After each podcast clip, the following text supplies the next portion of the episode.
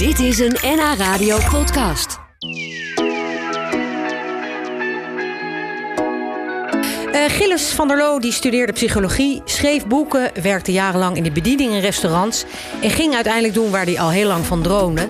Hij werd kok en hij heeft nu zijn uh, eerste kookboek, Koken zonder recept. Fijn dat je er bent, uh, Gilles. Dankjewel, Barbara. Ja, gaat dat heel lang terug, jouw liefde voor het koken? Ja, dat gaat echt terug naar mijn, laten we zeggen, achtste of tiende. echt tussen de acht en tien moet ik zijn geweest. Toen ik voor het eerst, en dat kwam helemaal niet bij mijn ouders of familie vandaan. Eh, spullen ging pakken en in een pand ging, uh, ging doen. Oh, er zijn weinig tieners die dat uh, helaas doen. Ja, dat merkte ik ook. Ik had heel weinig aansluiting daarin bij mijn vrienden. Ze waren wel blij dat ik het altijd op me nam. Maar um, dat ik andere mensen van mijn leeftijd tegenkwam die daar net zo begeisterd mee waren als ik. Dat begon eigenlijk pas toen ik naar Amsterdam verhuisde op mijn 17e, 18e. Ja, maar wat was dan de, de aantrekkingskracht als kind tot, tot die keuken of tot het. Ja, dat kan ik dus niet goed plaatsen, omdat het ook niet een grote rol speelt. Ik bedoel, wij, wij, wij, hadden het eten was natuurlijk wel een soort. Het eetmoment was een vast moment in de dag. En we aten iets leuks met kerst en oud en nieuw. Maar dat het echt heel veel aandacht kreeg en dat er heel veel met, met smaak bezig werd gegaan bij ons thuis. Dat was niet zo. Dat is echt uit mezelf gekomen. En hoe dat dan zat, ik kan mijn vinger er eigenlijk niet op leggen. Nee, dat is toch ergens, misschien ook niet. ergens anders vandaan. Het was er gewoon. Het was er gewoon opeens. en jouw moeder, uh, Ine, was zij een goede kok? Zij heeft met hart en ziel gezorgd, gezorgd voor eten, zullen we maar zeggen. Oh, maar, maar, niet zo'n goede kok dus. Maar hield niet, denk ik, van het koken zelf. En dat betekende dat ze, dat ze vaak hetzelfde maakte... en uh, er niet zo heel veel over nadacht of mee bezig was. Uh, ik ben eigenlijk van mijn gezin in ieder geval... en volgens mij ook van mijn hele familie... de enige die deze kant op is gegaan. Dat smaak, dat, dat ik zo aansla op smaak. Ja. ja. Uh, als ik, maar ze had, zag dat wel in mij en ze heeft het gestimuleerd. En als ik dan als puber wat, wat ongelukkig was, wat ik wel eens kon zijn, een beetje een melancholische inslag, dan zei ze: Ik neem je mee en dan mag je boodschappen doen en dan, uh, dan mag je dingen kopen en dan mag je daar iets van maken. En ze zag dat ik daar helemaal in op kon gaan. En uh, tijdenlang is dat een beetje het enige ding geweest wat ik kon doen waar ik me helemaal in kon verliezen. Gelukkig heb ik er nu meer. Maar dat koken, ja, dat is een bijzonder iets. Ja, en, en ook mooi dat ze dat aanvoelde, dat jij daar dus uh, gelukkig of uh, vrolijk van werd in ieder geval. Ja, dat zal, dat, dat zal duidelijk te zien zijn geweest. ja, dat neem ik aan. Ja. En proeven hoop ik. ja, dat denk ik ook. Koken zoals een uh, professionele kokken doet, maar dan gewoon in je eigen keuken. Nou, volgens kok Gilles van der Loo kan het. Het vergt alleen wel echt een extreem goede voorbereiding. Um, eigenlijk moet je het een beetje zo inrichten zoals in een professionele keuken. Hij schreef er een interessant boek over. Het heet Koken zonder recept. En hij is mijn gast vandaag. Uh, fijn nogmaals uh, dat je er bent. Dank je. Ja, tot niet zo lang geleden schreef je de rubriek proefwerk voor het Parool. Uh, mis je dat eigenlijk? Of is het fijn om een beetje van die druk af te zijn? Het is fijn om van die druk af te zijn. En het is fijn om van die druk af te zijn. Vooral voor mij. Want ik lang in de horeca gewerkt. Een jaar of 20, 25 ergens. En ik trok het me veel te veel aan, de gevolgen van uh, wat ik opschreef uh, in die recensies. Ja, want ja. wat trok je je dan bijvoorbeeld aan? Nou, ik, ik weet de impact in zo'n restaurant van een, een negatief cijfer. En, uh, wat gebeurt er dan in zo'n restaurant? nou ja, je, iedereen die graag uit eten gaat, die leest dat. je krijgt gewoon veel minder mensen die, die je restaurant een kans zullen geven. En Um, het, het, is een, klap voor de keuken en bediening, maar vooral voor de keuken. Ik bedoel, het, is, het, is, heel hard werken. Die mensen werken tussen de ik veel, 40 en 60 uh, uur in de week. Me, meswonden, brandwonden. Niemand doet dat werk voor minder dan een 9. En het is natuurlijk wel zo dat heel veel mensen minder goed presteren dan een 9. En het was mijn taak om dat op te schrijven. Maar omdat ik zelf heel veel in die keukens heb gestaan. Uh, ja, ik ben me gewoon heel erg bewust van de impact die dat heeft. Dus ik kon al wakker liggen van een 7,5 bij wijze van spreken. Ja, belde je er ook wel eens boos op? Nou, ik ben niet heel makkelijk te bereiken. Daar heb ik er wel voor gezorgd. Maar dat is zeker gebeurd. Ja, ja. ja in het begin uh, belde ik, als ik nog wat vragen had, belde ik zo'n chef dan ook gewoon bij mijn eigen telefoon. En ik heb wel eens een ellenlange apps gehad uh, met een zeer dreigende toon om het zacht uit te drukken. Ja, dus echt bedreigingen bedoel je? Dat, ja, ja. Niet op het niveau van aangifte doen, maar, uh, maar dat, ik ben ook niet zo makkelijk bang. Nee. En andersom kan het ook nog. Dat het zo positief is dat, dat het ongeveer uiteindelijk aan zijn eigen succes ten onder gaat, of niet? Ik zie ook wel eens als. Ja, maar dat is dan heel erg een managementbeslissing om hè, snel, snel veel geld pakken. Want eigenlijk, als je het in goede baas, een goede recensie krijgt, en dan krijg je een heleboel aanlopen. En als je dan niet te veel mensen op een avond aanneemt als gast, en je weet het goed te, te doseren, zodat je je team het goed aan kan, dan kun je nog, dan kun je nog maandenlang iedereen die de recensie gelezen heeft eh, te eten krijgen. En als je die goed behandelt, dan zit je geramd. Dat mis, het enige wat ik mis echt van het werk is die keren dat een kleine zaakje wat nog niet echt gezien werd, het supergoed deed. En dat ik dan dat in de krant kon zetten en dat dan de volgende dag heel Amsterdam of heel eh, Noord-Holland, zullen we maar zeggen, daar kwam eten. Ja. Dat vond ik heel erg leuk, dat je ze kon helpen. Ja, dat, Maar dat was helaas niet altijd zo. Nee. Hoe was het zelf vroeger? Heb je ook in keukens gestaan, bijvoorbeeld om af te wassen? Hoe ja, was daar ben ik mee begonnen. Ja. Ja. Daar heb ik altijd enorm van genoten. Ja, Ja. terwijl dat, dat, dat, eh, als leek lijkt dat een beetje een soort afzienbaantje. Maar waarom was dat dan genieten? Nou, omdat je, dat is een afwassen in een druk restaurant. Ik heb alleen maar altijd in druk, of druk café of druk eetcafé. Ik heb alleen maar op drukke plekken gewerkt eigenlijk. Ehm, want dat heb, ik, dat heb ik nou. Daar word ik dus heel rustig van. En of het dan afwassen is, of bedienen of koken. ehm, je, wordt, je krijgt zoveel te verstouwen tegelijkertijd dat je niet kunt nadenken. En dat je dus helemaal, je bent alleen maar bezig met wat er dat moment moet gebeuren. En voor iemand die eigenlijk altijd een beetje dissocieert. Als je me de kans geeft, dan ben ik al heel ergens anders met mijn hoofd terwijl we hier zitten te praten. ja, dus het werkt een beetje meditatief. Of tenminste, je Ja. was gefocust op één ding. Ja, En waar keek je toen als afwasser bijvoorbeeld naar als je die koks bestudeerde? Ja, en mijn, eerste, je dan op? mijn eerste afwasbaantje was hier in Hilversum bij een Indonesisch restaurant, die Santara. Ik weet niet of het nog bestaat, toen was ik echt 15.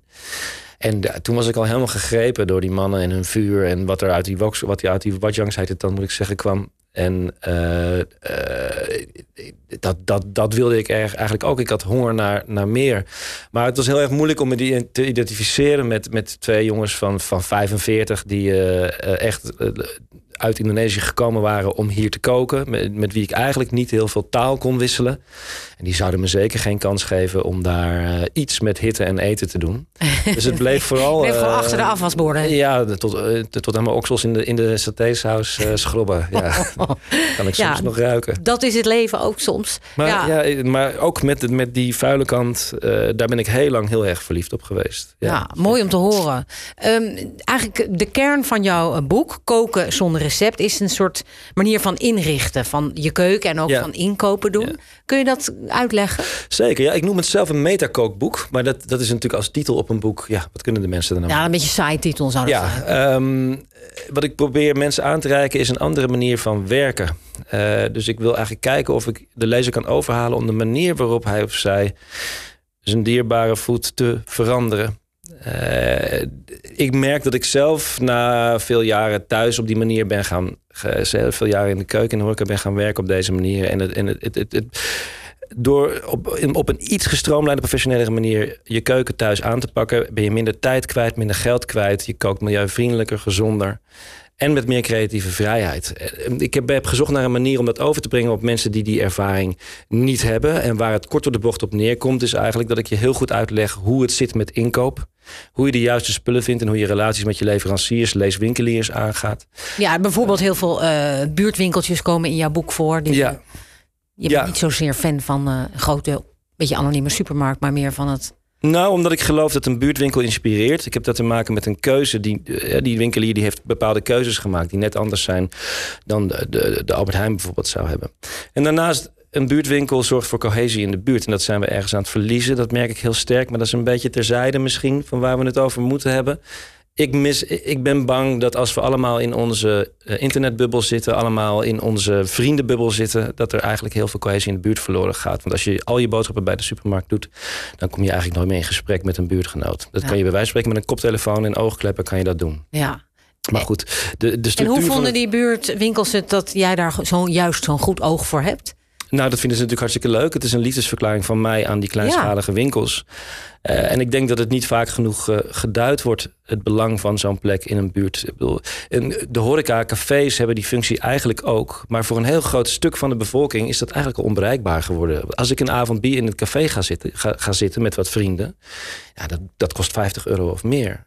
Weet je wel, Ja, tegenwoordig. Wie kan, zeker. dat, wie, kan dat nog, wie kan dat nog eigenlijk? Ga je naar een stad als Sevilla, waar ik onlangs was, dan zie je de mensen van de fanfare, zie je de mensen, eh, zie je de buurtadvocaat, zie je de groenteboer allemaal aan dezelfde bar hangen. Een huiskamer voor de buurt is wat het eigenlijk voor mijn gevoel zou moeten zijn, een buurtcafé. Nou, die functie is volgens mij een beetje aan het kwijtraken. Boodschappen, eh, boodschappen moeten we allemaal doen, maar een buurtwinkel is er zeker nog wel.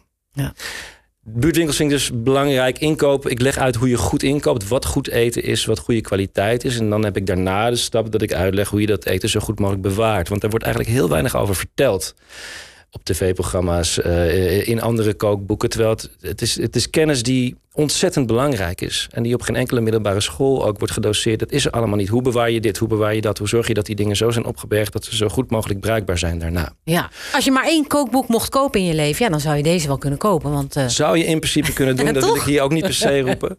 nou ja, het is gewoon een heel basale informatie... over hoe je het zou kunnen aanpakken. Ja, precies. En daarnaast is wat, een, wat zeg maar, de professionele insteek hier... en hoe ik thuis werk en wat het bijzonder maakt... Uh, en anders is dat ik uitga van een mise en place. In een professionele keuken heb je een fase over overdag, de mise en place, dan bereid je voor.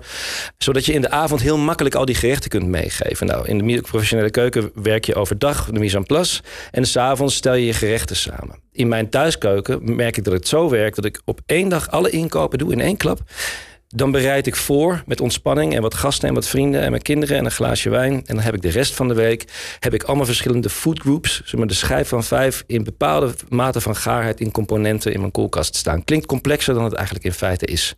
En op de avond door de week heen zelf kan ik binnen een kwartier een hele diverse voedzame gezonde maaltijd op tafel zetten.